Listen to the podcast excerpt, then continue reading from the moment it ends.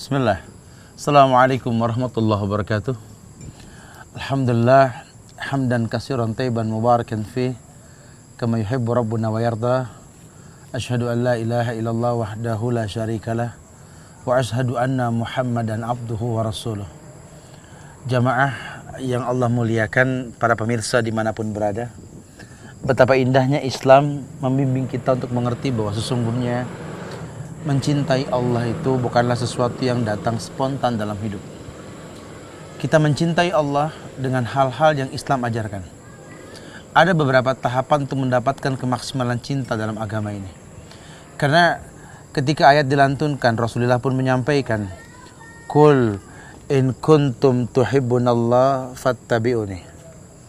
Katakan, katakan, katakan ya Muhammad, katakan kepada umatmu, "In kuntum tuhibbunallah fattabi'uni." Kalau seandainya kalian mengatasnamakan cinta kepada Allah dalam ibadah yang kalian lakukan, tidak ada cinta kecuali mencontoh Rasulullah Sallallahu Alaihi Wasallam, mencontoh dirimu, katakan.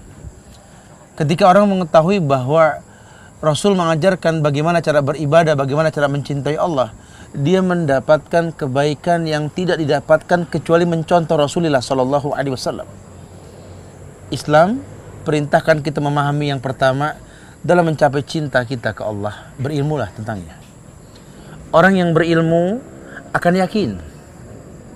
Sehingga tidak mungkin orang bisa yakin dengan yang dicinta tanpa ilmu, tanpa mengetahui siapa yang dicinta. Ilmu yakin. Baru kemudian keyakinan inilah yang akan membimbing dia untuk mendapatkan keikhlasan. Beribadah ini betul-betul harus ikhlas untuk Allah. Ala lillahi dinul khalis. Bukankah hanya untuk Allah agama yang ikhlas, agama yang dikhususkan hanya untuknya, yang tidak semua orang bisa mendapatkannya.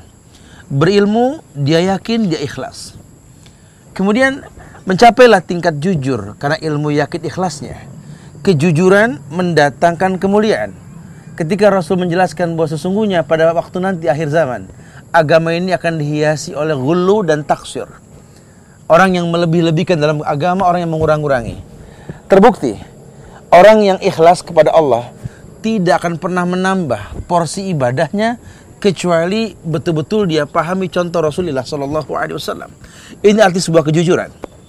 Dia beragama dengan benar. Kalau dia sudah berilmu, dia yakin, dia ikhlas, dia jujur, maka timbullah mahabbah cinta. Cinta sejati timbul dengan empat tahapan. Dia dia berilmu, dia yakin, dia ikhlas, dia dia jujur, maka dia akan mencintai dengan cara yang benar. Semoga Allah jadikan kita orang yang betul-betul mencintai Allah dengan benar sehingga timbullah kemuliaan dalam kehidupan kita. Betul-betul mempraktikkan kemuliaan cinta yang sejati yang Rasul contohkan dalam kehidupan ini insyaallah.